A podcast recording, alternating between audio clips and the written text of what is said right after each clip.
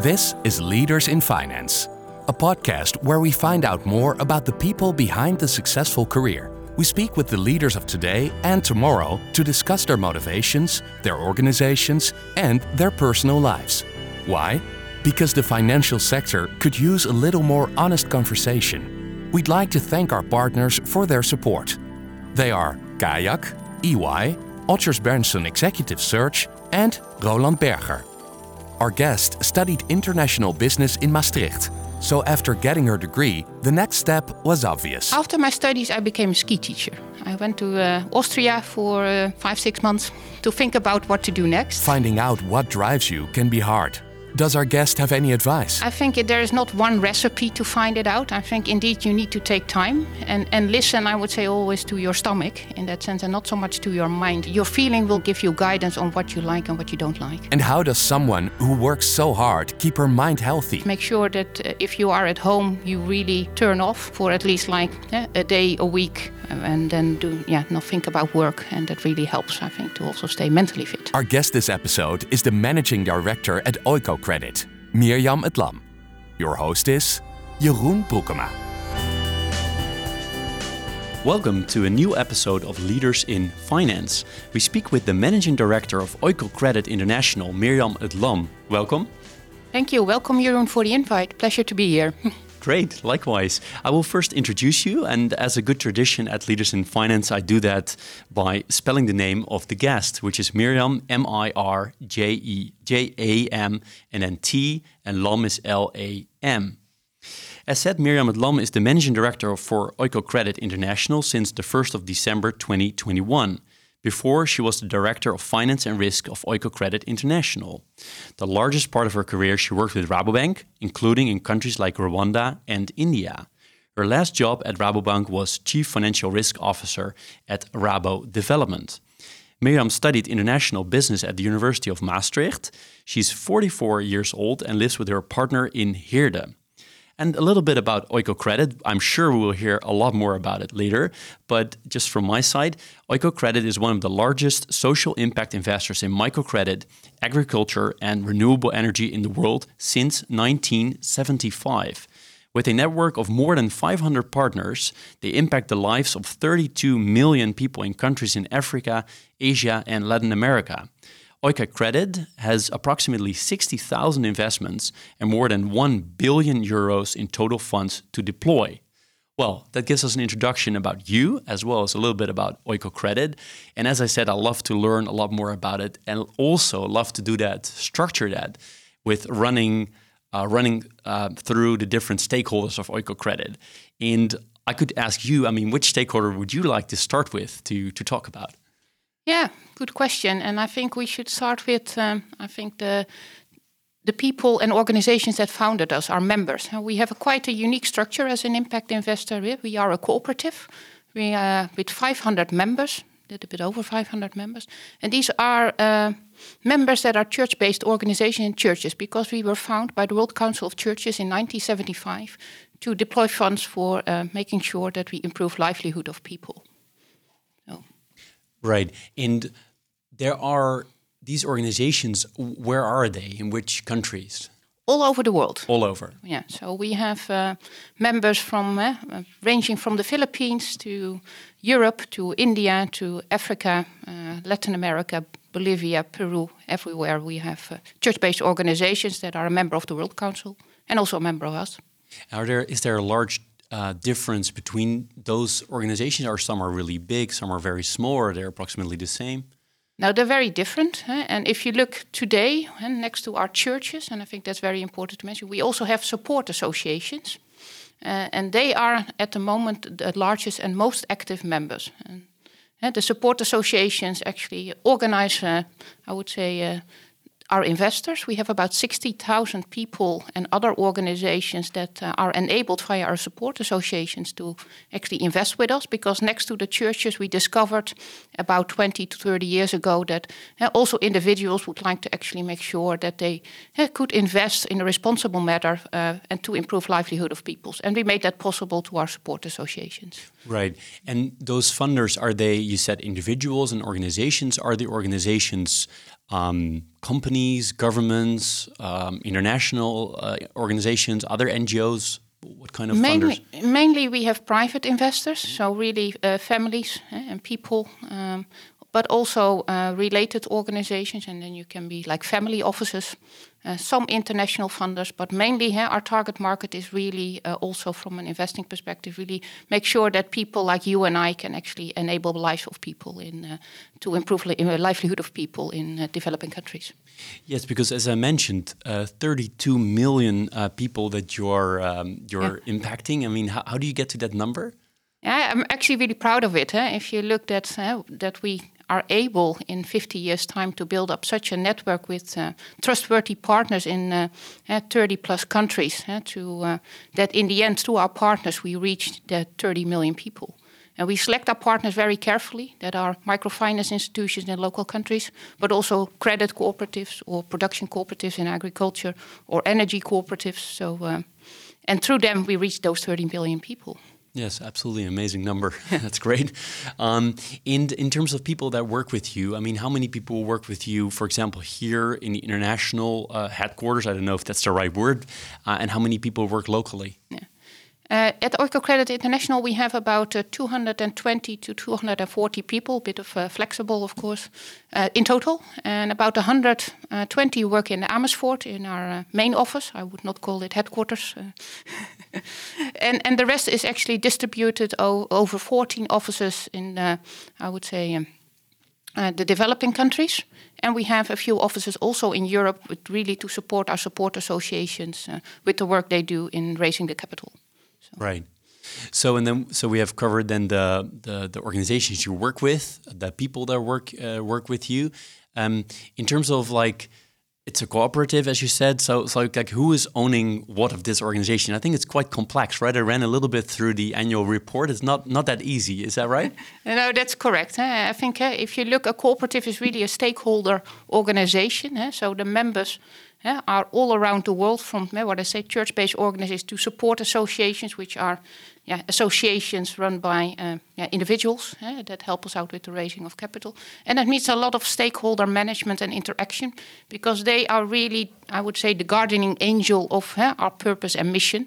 And, uh, and, that means that we need to listen really carefully to our members and also our investors, eh, what they would like us to do eh, and where they like us to invest or promote. Uh, Uh, capacity building or other programs. So yeah, I travel a lot, not only I would say to the countries eh, where we try to reach people, but also where we have our members and investors, and that's mainly uh, yeah in Europe. Right, and then the stakeholder society at large. I mean, obviously you're helping uh, a lot of people, but can you tell me more about the mission of the organization and what you really want to achieve? Yeah. If you look, we are set out actually to do two things as Oikocredit. One is uh, promote uh, responsible investing. Uh, and with uh, through pro, uh, eh, responsible investing, we try to improve livelihood of people, and that means we try to indeed give people a chance to start a company, give people a chance to actually make sure that they can increase their income to now buy health insurance, for example, in uh, developing countries. But on the other hand, we also have really in responsible investing a dual role. It's not only how we invest the money, but also make the society here in Europe or in Northern America, the Northern Hemisphere, aware of actually, I would say, social injustice in the world.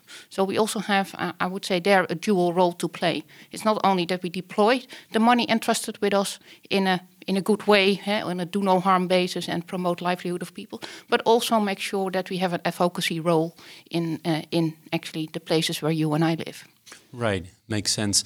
And microfinance, when you started, I mean, not you personally, but when the organization started in 1975, I guess that was something pretty new, right? And pretty innovative. Yeah, yeah. It, it was really a pioneer organization. The, uh, what was actually happening was that at uh, the World Council of Churches Assembly, the churches said we actually need to collaborate more together with the money we have. Every church had back then uh, a lot of money, and to make sure that we actually use it in a responsible way. And that's not making grants only, but actually make sure that we uh, put money to work for productive use and improve the quality of life of people. And they actually started the organization Oikocredit with that mandate. And yeah, that there was actually pioneering. We were the first ones, and we did actually don't know how to do it. So we really developed actually everything ourselves from the start on. Hey, what is responsible investing?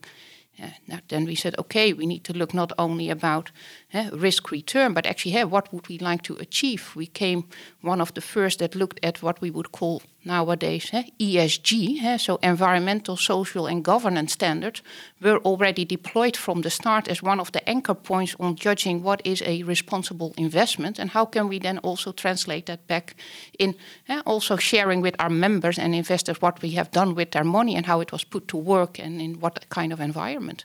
So when I would say social responsibility or corporate social responsibility became popular in the 2000s, yeah, we were already 25 years on our way. right. And, and, microfinance has had this super positive connotation for a very, very long time. And in the last, I don't know, five or 10 years, there was also a lot of negative press around it. Is that something that was hard for you? Do you recognize it at all? Now, we do er- see, of course, with the popularity, I would say, in, from investing for good cause, you, it's logical that people also become more critical and see if you really are investing for good cause and not maybe for financial gains. And we are very proud and also, I would say, take comfort that because of this, like almost almost almost 50 years of history, uh, that we can make the right choices and can really prove from the start through this environmental, social, and government due diligence, which we do yeah, already for years and years that we can really make sure that uh, the partners we work are, with are reliable, that they also make sure that if they lend the 5, 10 or 100 euros to the end clients, that it is done in a responsible manner, that they get that they provide training to those people to make sure that they also are financial literate enough to actually handle a loan. So no, so we take comfort, but we do recognize uh, when things become yeah, more popular uh, for different reasons, that there is also a spotlight on you. And we, uh, yeah, we are comfortable as Oikocredit that we can live up to the standards we, uh, yeah, we have done for the past 50 years. Right, yeah. Yeah, that's going to be a 50 years uh, anniversary uh, yeah. anytime uh, in a few years' time. Um, so I wanted to ask you as well to give a couple of very practical examples of where the money is deployed, even if it's a super small amount. But where does it go? Can you give a couple of very tangible sure. ideas. Yeah. Um, let's start uh, in India, for example. We support an organization. It's called, uh, I'm not sure if I can mention the name, but it's EcoZen. It's one of our partners. It's on our website anyway. EcoZen uh, makes uh, solar water pumps. So with solar energy, you can pump water up out of the of the soil and then use it to irrigate land to actually yeah, make sure that you uh, can irrigate and also for agricultural purposes, then of course grow the crops and do that in a sustainable manner because you use the solar energy, you only pump when it's needed. And indeed, also the production and the productivity of farmers in India will increase through these things. And uh, yeah, these are very affordable. And the good thing is also they're mobile, so they only need one water pump to actually do, and we have a good outreach and a large outreach compared to a fixed fixture water pump. So that's one of the partners we support eh, to actually make sure they can also support the farmers and the agricultural community. Uh, in, uh, let's say, um, Ghana, for example, we uh, support five microfinance institutions with the development of financial literacy training. So that means that either through video or classroom type of uh, education, we learn what it is to have uh, income, savings, what you can do with it, uh, and we target it and we film and uh, make kind of movies with targeted group people like women mainly, uh, but also make sure that we do it also together with the local population. So we have a local consultant there deployed that helps us with the financial literacy training.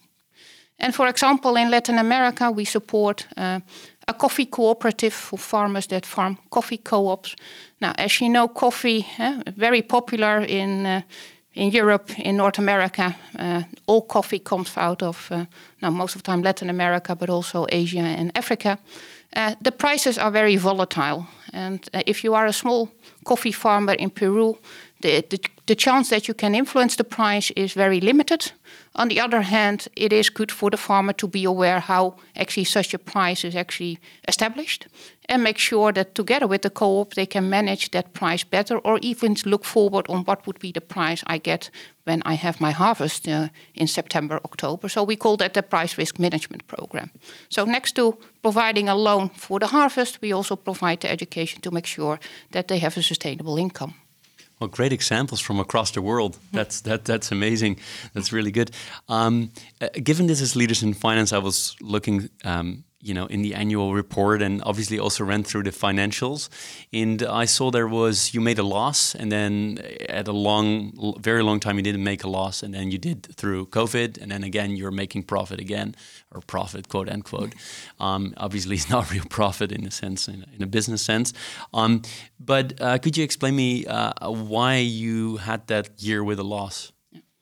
Now we uh, as, as Oikocredit, we extend loans to, to our partners, or we do an investment in equity, or we provide capacity building.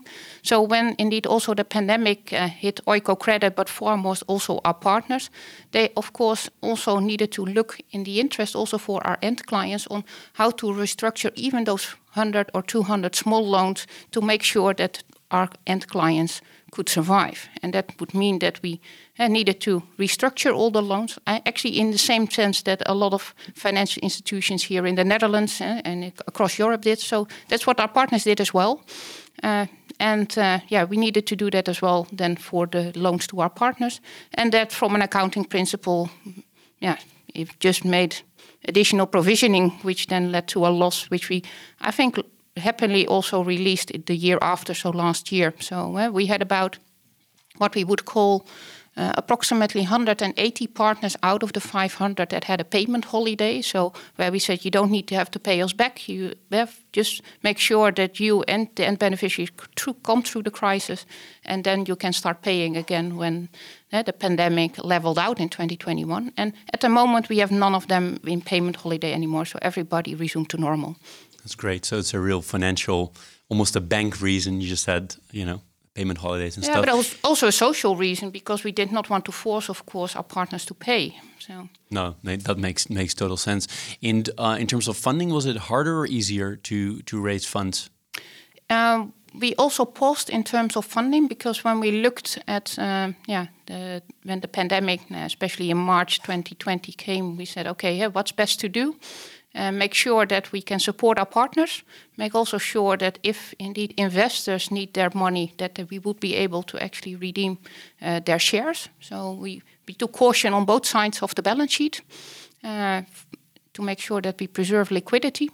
And what actually I think is very much, I would say, cooperative like, eh? our investors, which also were really prepared to say, okay, yeah, we know you will probably make a loss. Uh, we don't matter as long as you support indeed uh, the partners. So that really shows, I think, also what type of investors and members we have. They really put, I would say, impact and improving livelihood before, yeah, what's over. And if there's nothing left, no dividend. If there's something left, it's also good. Well, anyway, it's good that you're in a, in the situation again that they're all paying again, and that's work. I mean, ultimately, I guess it's also sustainability of the organization that you absolutely keep running. we also need to pay our salaries. Exactly. So. exactly.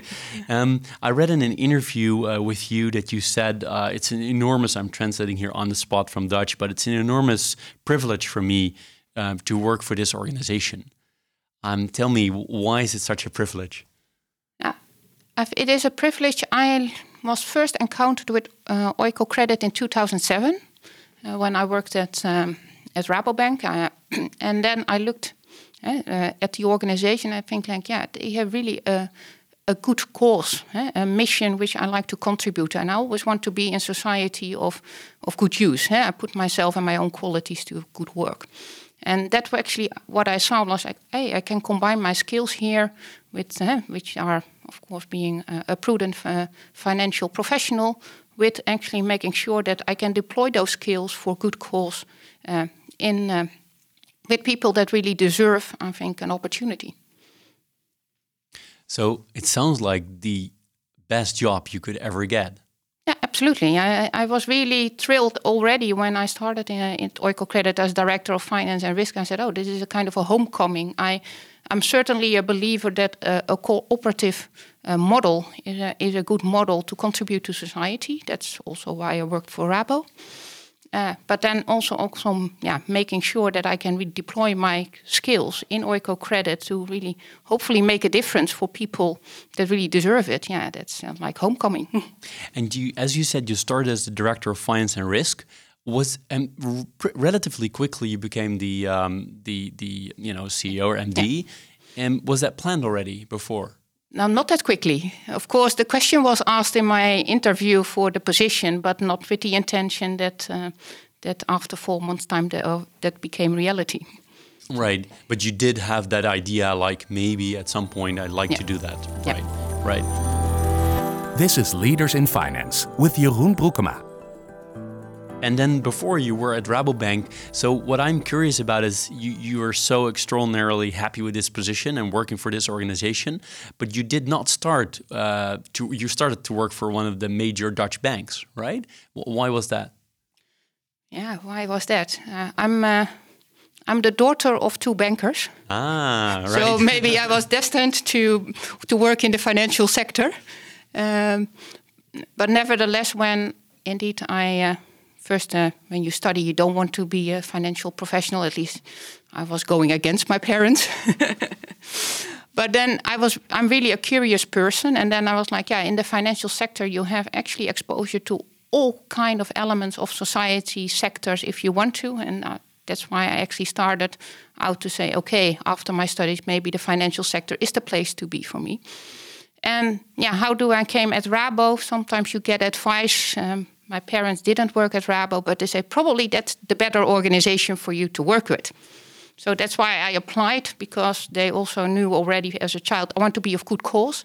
And Rabobank, although it's a financial institution, is a cooperative. Eh? And if you really look at their DNA, eh, they really want to also make sure that they contribute to society and that's how I ended up at Rabo. I see, I see. But you did end up um, in in Rabobank also more on this side already, right? At uh, Rabo Development, uh, for example. Yeah, and even earlier on, huh? because I started uh, at the renewable energy department in uh, what was it, 2004. Uh, back then, sustainability uh, and also climate change was really not at the forefront, but again, I wanted to say, hey, this is a good cause for the future. I like to actually spend my time here on new innovative things. So that's why I started in indeed in uh, Rabo at what they would call then the renewable energy and infrastructure area. Right, right, right. Mm. And um, your parents, did they? Uh, what kind of banks or institutions did they work? Uh, both worked at ABN Bank. Ah, that's where they got to know each other, or got yeah, yeah, really a classical uh, story.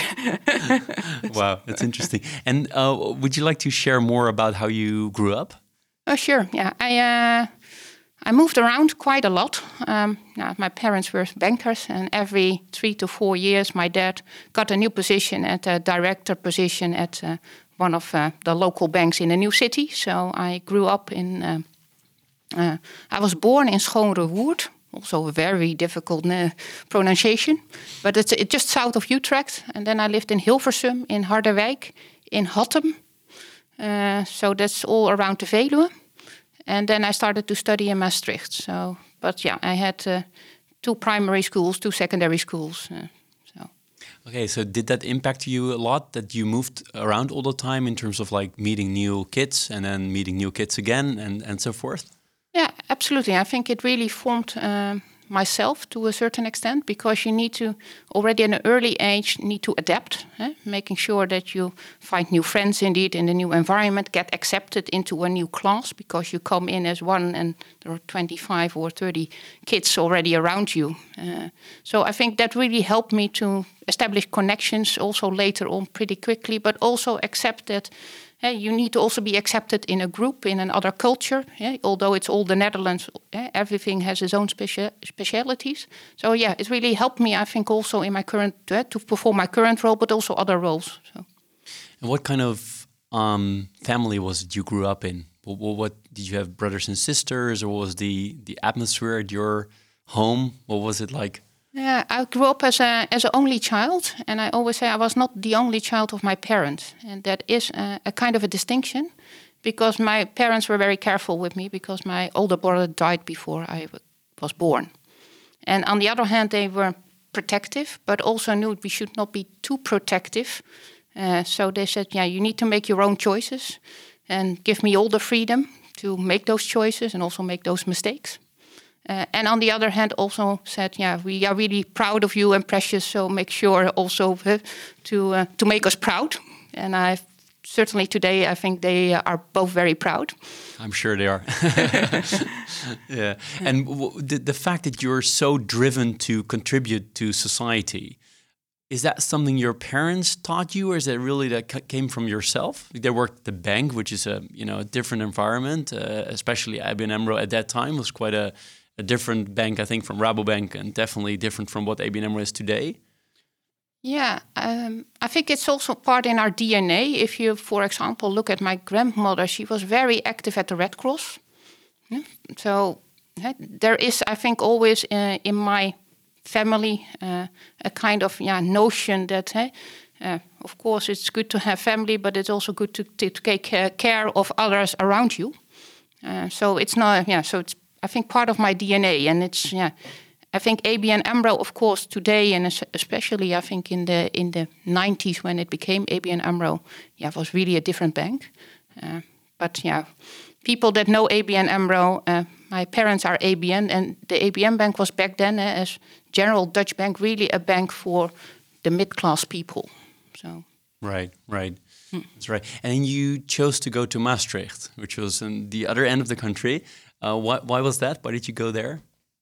It sounds maybe very stupid, um, but actually because uh, I wanted to do international business, and I also wanted to learn languages. I'm from a, I, I'm a beta person, so I like uh, numbers, and I was not so good at languages. And then I thought, yeah, that's maybe not the good thing to do. So maybe I should really challenge myself also to uh, to also do a second language. And then I came in Maastricht because international business was fully taught in English. And on the other hand, they were one of the first ones that had this uh, group-based learning system, which I really enjoy because you all, it's very interactive, intuitive, and not really classroom-based.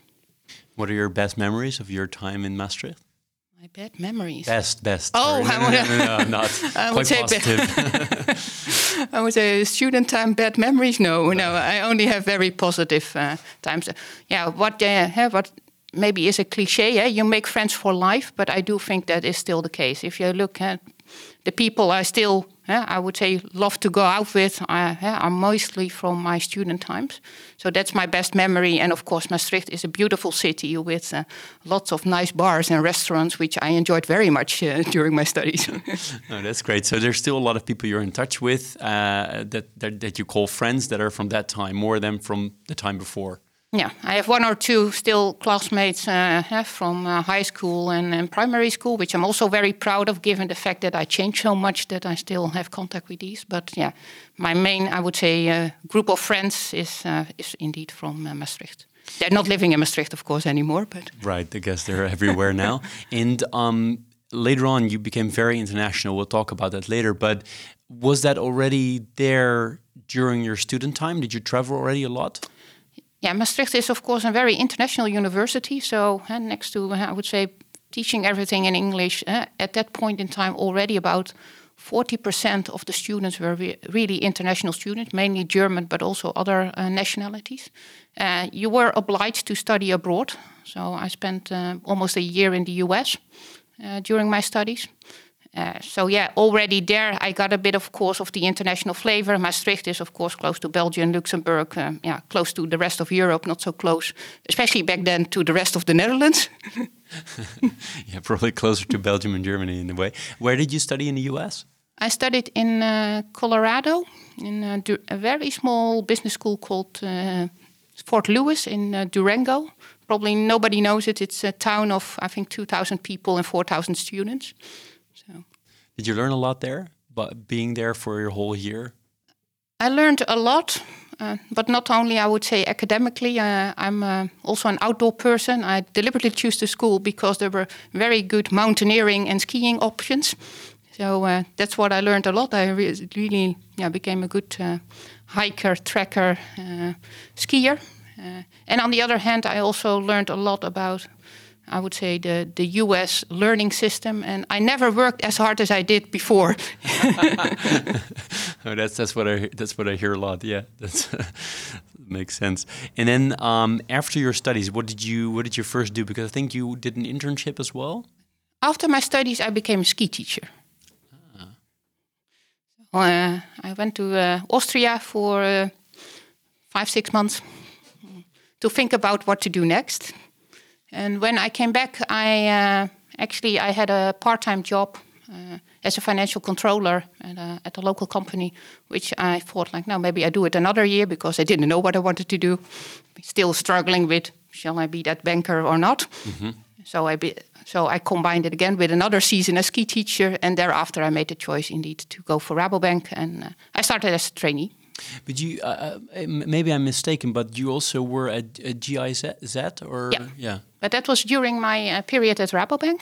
Ah, okay. So uh, when I worked at uh, the renewable energy department in um, in Rabo, uh, Rabo Development approached me. Back then, Rabo Development was already there and said, "Are you interested to actually uh, become for uh, the time being a consultant for the Dutch development organization GIZ because they need somebody in Rwanda to evaluate all kind of sustainability projects. And that's how I ended up in Rwanda for six months uh, to really travel through the country and look at all kind of solar, biogas projects. Uh, I see, I see. And I'm, I'm really curious about that moment that you, to go back a little bit again, but you're a ski teacher, you're not sure, you, you you may want to work in the financial sector, but your you know your parents are doing it, so you know why am I going to do the same thing?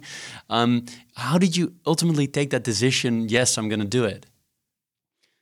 I think you have you come across certain people along the way in your life, and uh, one of the I would say. Uh, yeah, hierarchical leaders of the ski team, of the ski teacher team, said uh, it was an Australian guy. He was more like uh, the parent of all the young uh, teachers. He said, Mirjam, next time around, I don't want to see you here again. He said, yeah, You're one of the best teachers, but uh, I think you have far more talent to deploy.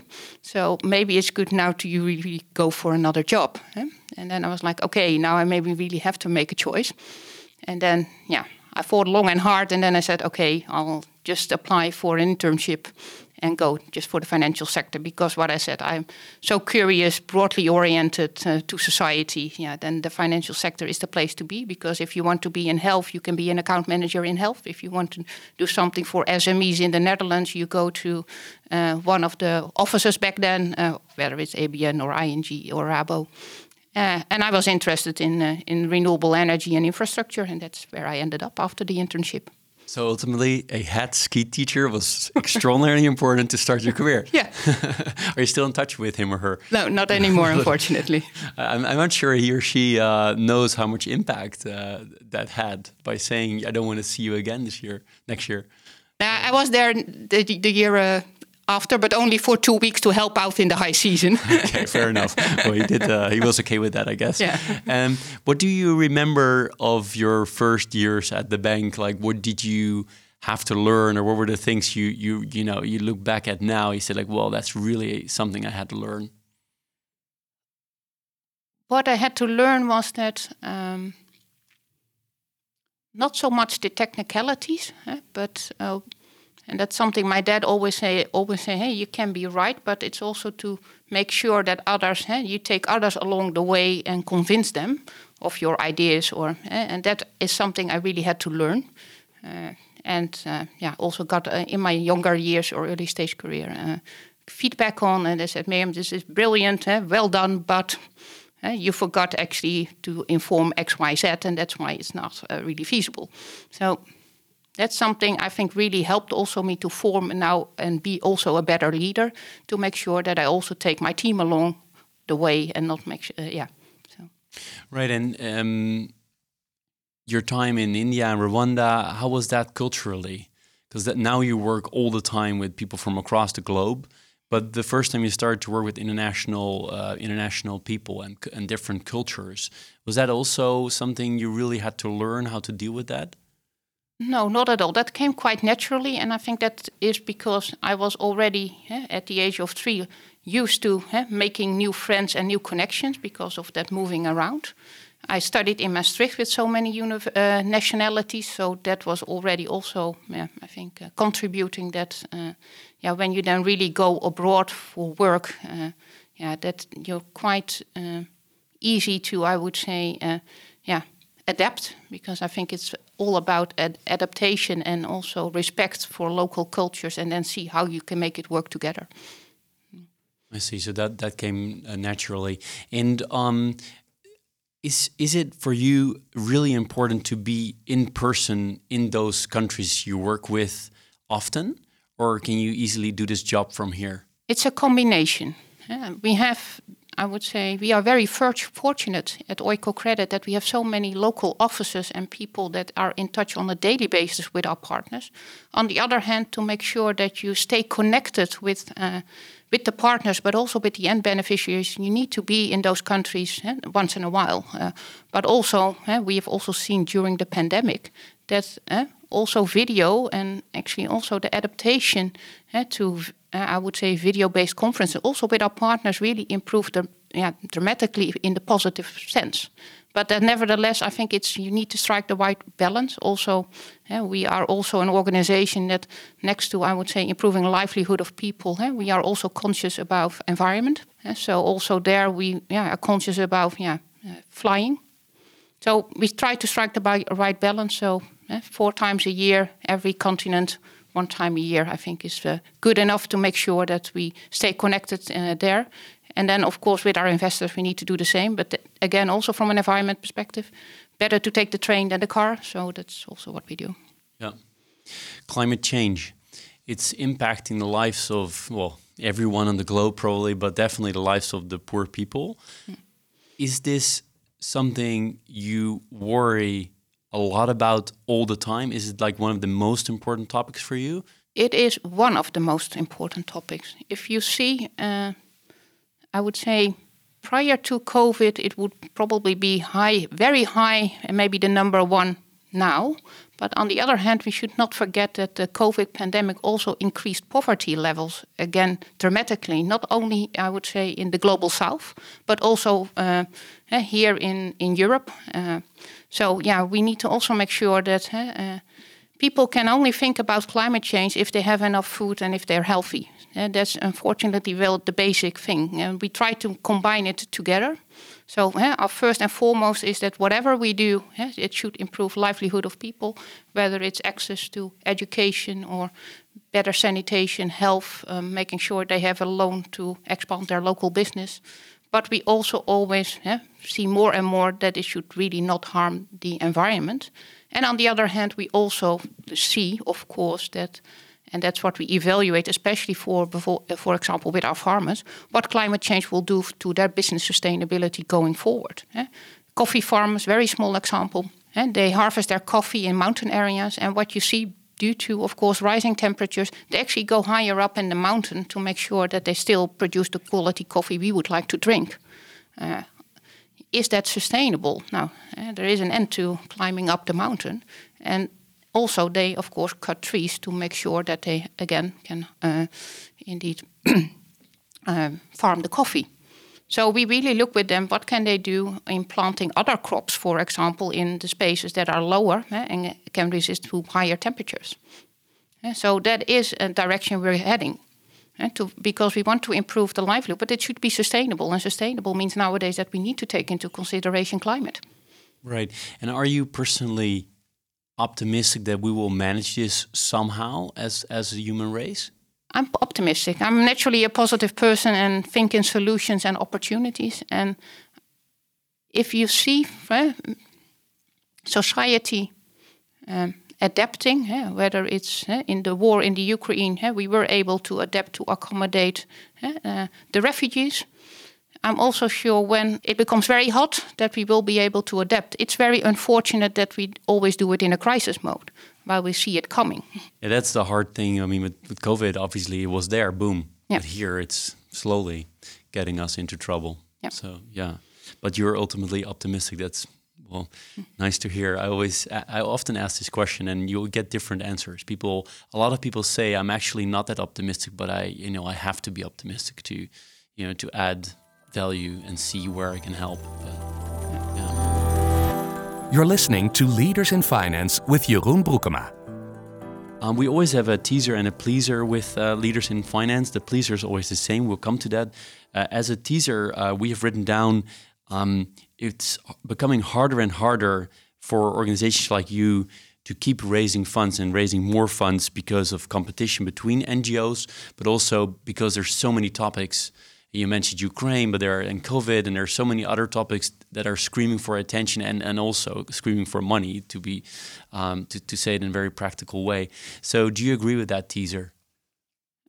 Now, first of all, we're not an NGO. We are a social impact investor, so we're slightly more on the spectrum in the middle between an NGO and I would say an, a for-profit investor. And sure, in, there is competition, and we talked about it before. We have seen people, uh, people and parties entering in this space as an investor or as a as a peer. We would call them peers to um, in the past say 10 to 15 years a lot. But we have a very distinct profile, and that's I think where we're very proud of. We are a cooperative, we're one of the oldest investors. We have a tremendous outreach relatively to the funds we deploy. And I think with that uh, distinction, uh, we should be able really to make sure that we uh, fulfill our mission. We don't have the ambition to be the largest, the biggest. We want to make sure that what we do is impactful and is set the right example. So not difficult for you, and in general, for do you see a lot of um, organizations that are you know a little bit like you that are struggling with raising funds?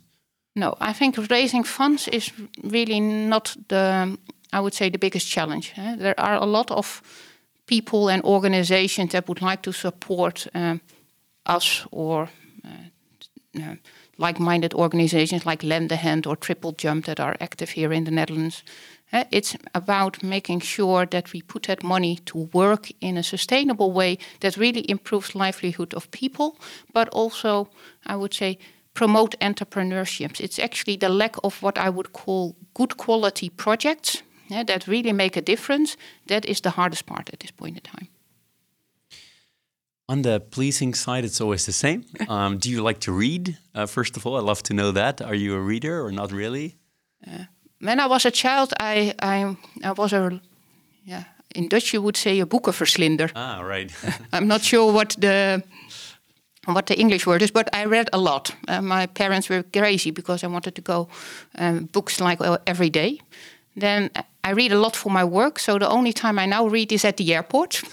Then I uh, read books. Uh, and unfortunately, in the past two years, I, I, did not read a lot. I did a lot of gardening because of the pandemic. So I started reading again since, the, of course, the travel bans are lifted. So I read about maybe between somewhere between the 10 and 20 books a year still. and are there particular books you're, you're really, um, you know, that have changed your life or you like to give to other people that stand out in another way? One of the books if uh, I always recommend for people that would like to know more about the world we work in is uh, a book called Dead Aid from Dambisa Moyo, uh, a Zambian lady, because that gives a good insight into uh, what we would call development financing and development world, and also the yeah the positives and the negatives. Is, is it a study book or is it more? Um, what is it like? No, it's not really a study book. It's uh, it's really easy to read and it's very recognizable, uh, and it gives a good historical perspective. So it, yeah, it's something you would. Uh, I think it's now 20 years old already, so you find it still in the bookstore if you want to. So it's a good guide into this world. And are there other books that have inspired you, or maybe like more literature books, or? Yeah, I like to uh, to read different types of books. That's why I said I, always is there something? And I look at the airport. Oh this is an interesting title. Then I take it along with me. And so uh, the last one of the last book I read was uh, of Rutger Bregman most people are okay which um, and I buy it because I feel like yeah that's maybe so how I look at people as well. And uh, that's good. Yeah that's a that's a book actually that's one of the most mentioned book books by CEOs in this podcast. It's really, I make Yeah. these lists of most mentioned books, and Rutger Bregman's book is really, really popular. Yeah, that's interesting. Interesting to hear. Um, and I wanted to to ask you. Uh, you you live uh, close to the forest. You told me before this conversation. Um, you you love the outdoors when you were in Colorado. Um, so so you still do this a lot? Are you coming a lot? You you you spending a lot of time in nature? I spend uh, as much as I can in nature. So, but not unfortunately only hiking uh, because I have an injury, uh, so I cannot ski or play tennis or do really mountaineering anymore. So, Oh, that's a shame. But the hiking still works. yeah, that works for a few hours a day perfectly, and yeah, that's and cycling is of course also uh, not a problem. Right, I see. And um, how do you? This is uh, obviously an intense job with a lot of traveling. How do you stay fit, both mentally and physically? Well, physically, then the hiking, but probably other things as well. So, what do you do to uh, to stay fit? I think the first and foremost thing you need to do is is being disciplined. Uh, so I really run two times a week, every week, uh, 30 to 40 minutes to stay fit wherever I am and wherever I yeah, are, or, or do it then in a in a gym of a hotel. So uh, just to make sure that uh, yeah you physically uh, get fit. Look, watch of course your food, your dietary, and mentally to get fit. Yes, make sure that uh, if you are at home, you really I would say turn off for at least like uh, a day a week and then do yeah not think about work and that really helps i think to also stay mentally fit Is it possible for you to really switch off and not think about Oikocredit at all? it is possible so uh, yeah but that also i think comes with learning over the years in, in in my earlier career i would like say oh yeah even on saturday when you're almost in the supermarket like oh yeah that's what i need to do now i'm like really also i would say trained and disciplined enough to say okay tomorrow the other day i'll think about it Oh, that's great. I mean, I lo- love to learn that, how to do that. do, you, do you work a lot? I, I, I have quite intense jobs. I almost had. Uh, now, of course, yeah, I became, of course, the managing director on the first of December. But we also needed, of course, to hire a finance and risk director. So I had a, a dual role for quite some time. So yeah, that makes it more intense. On the other hand, I don't mind to work uh, hard as long as it's like uh, yeah, what I say. If I have that one day a week off, then I'm fine. Right. I've asked the, uh, I think about 110 guests we've had here, uh, always uh, this same question, which is Do you have tips for people that start their career now? Um, you know, whether it's be in the space you're in or more in financial services in general.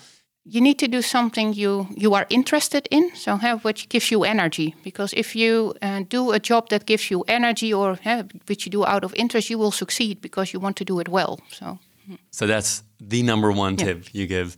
And uh, how do you how do you find out when you're really young, like what drives you? Because it also took you some time, um, even you to figure out like what what was going to be. How do you do that?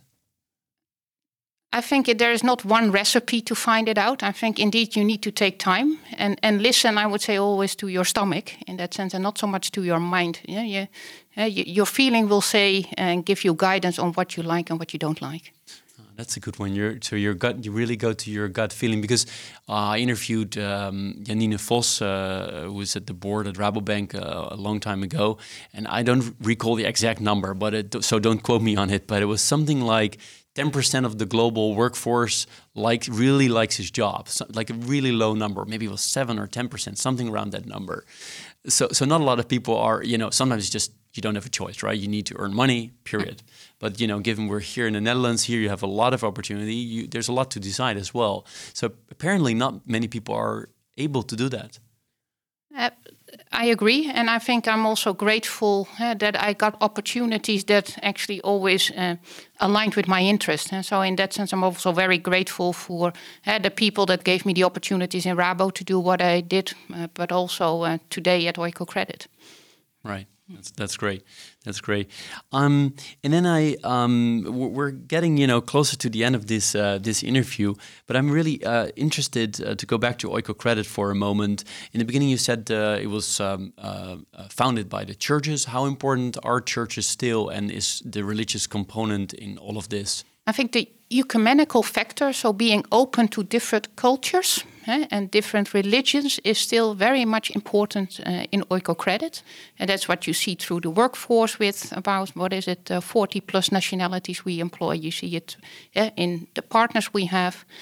Is the church in itself is not, I would say, the main driver anymore. It is mainly, I would say, our support associations and uh, a few churches that are really cognizant of their role, that really are what I would call the interactive stakeholders. That, uh, so it's a combination, but it's not only the churches anymore, but the values that come with that came from the churches, like that openness, that make sure that you respond to people in need, um, respect one another as culture, religion. That's still there. Right. That that makes sense. Going forward, let's separate the going forward topic. Uh, between you and the organization. Let's start with the organization. Uh, as we mentioned in the beginning of this conversation, you're you know running towards that 50 years of uh, of being there as an organization. Well, what are your main goals for the organization for the next few years or maybe longer? My main goal is actually to make sure that we create resilience, and I would say throughout the uh, the value chain of the money we deploy. Because if you start with I would say our end beneficiaries, we will see that indeed whether it's impact of climate change or increasing poverty levels. Uh, if you want to make sure that they have a sustainable life, not only for one year or two years, but for their whole livelihood, it means that we need to look at resilience. And what is resilience? That make sure that they have a surrounding that enable them to, uh, to earn an income, to go to school, to make sure that they can go to the doctor, that they have clean water, Uh, they can improve their health. So we really need to make sure that we look not only with our partners currently at, I would say, extending a loan or extending a training program, but also really look at hey, what is improving the livelihood of people and their communities, because that will make a difference in, I would say, making sustainable, long-lasting impact. And that means also for ourselves as Oikocredit that we eh, also need to relook at what we are doing. Eh, currently, we do three things. That is offering this what we would call capacity building training programs support people. We uh, offer investments and loans. But we really need to tie that more together in partnerships to create that community resilience. On the other hand we also see with our investors not, and that are not only the churches or supportive associations, but really you and I that can uh, buy a share or a participation in Oikocredit, uh, that they belong to this community and that they get that connection. Like, okay, if I invest with Oikocredit, I see that uh, Farmer Dave is indeed deploying this to actually not only farm coffee, but also start farming sugarcane. So really make sure that we make that throughout the chain visible, make throughout the chain visible what it actually means to contribute then also to eh, climate change, but also to community resilience. Right. So do you, so you're you want to become even better in all these things you're mentioning. Okay. Yeah. And then the other part, which is Mirjam herself, um, I'm sure you will answer. You will. You're at the right place, uh, given what we discussed for the next few years. But if you, you're you're only 44, so in the long run, are there particular things you you would love to do? Have you ever thought about it? Now, one of the things, and we talked about it before, I was a ski teacher, but there is something in, I would say, teaching and, and actually deploying my knowledge also in another way. So currently, I'm sometimes a guest uh, lecturer at, uh, at a university. So probably that's something I would like to continue doing or maybe expand on in, uh, in the next phase of my career. Same goes for I have been on supervisory board roles in different organizations, so I probably I see that as a second life uh, after Oikocredit. But still, I'm uh, very much committed for the coming years, of course, to Oikocredit.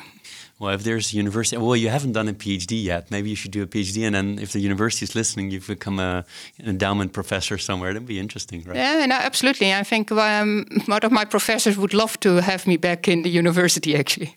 That would be interesting. Well, maybe there's there's quite a lot of guests that are uh, are doing this next to their their jobs. I mean, it's intense, but it's yeah. uh, it's really interesting to give back.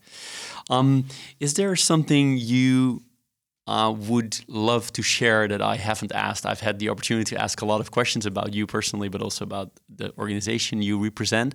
But is there something you you would love to share I haven't asked? A good question. Uh, if you look, I think um, we touched upon a lot of things, eh? and uh, I think what Oikocredit does as an organization, eh, I'm proud to lead it, eh, is hopefully also setting the examples for other organizations, but also for investors and people to to do good with their money. Uh, for a I would say, a fair return or reward. Uh, so I love to do, take that forward. But I think it's also good that we be conscious about. how we do that in developing countries. But if you and I look around us, and if you, and we're probably very fortunate that we have a job and live in a, I would say, a nice place in the Netherlands. But there are also people in the Netherlands that actually come into the same situations as the people we serve actually in our developing countries. And that, I think, notion is something that I would actually like to express that we, yeah, we need to be cognizant of that. And uh, Great, great. Well, thanks for for adding that. Um, I would love to thank you. I'm I'm very impressed uh, by all the things you're doing and your organization is doing. It's really uh, really interesting and and amazing uh, how you contribute to society and with such a uh, you know large numbers, you, you have a lot of impact. Um, so thank you so much uh, for taking the time. Uh, we have uh, Bocca Coffee. We, we did touch upon coffee a couple of times. I mean, you did. Um, we have Bocca Coffee, which is a B Corp certified organization. Yes, um, we know them. you, you, know them. Oh, that's great. Uh, that that gives you a little present uh, for taking the time. Uh, so so again, Mirjam, thanks a lot for for sharing all of this with us. Yeah, and thank you, uh, Jeroen, as well, of giving us the opportunity uh, to actually share yeah, what we do as Oikocredit and also yeah, give the opportunity to people to get to know me a bit better. Wonderful. Thanks so much. Okay, thank you. You've been listening to Leaders in Finance. We hope you've enjoyed the episode and would love to hear from you. What's on your mind? Who would you like to hear next? Tell us in an Apple or Google review, via email, or our social media channels. We'd greatly appreciate it. Finally, we'd like to thank our partners for their ongoing support. They are Kayak, EY, Odgers Berndtson Executive Search, and Roland Berger. Thank you for listening.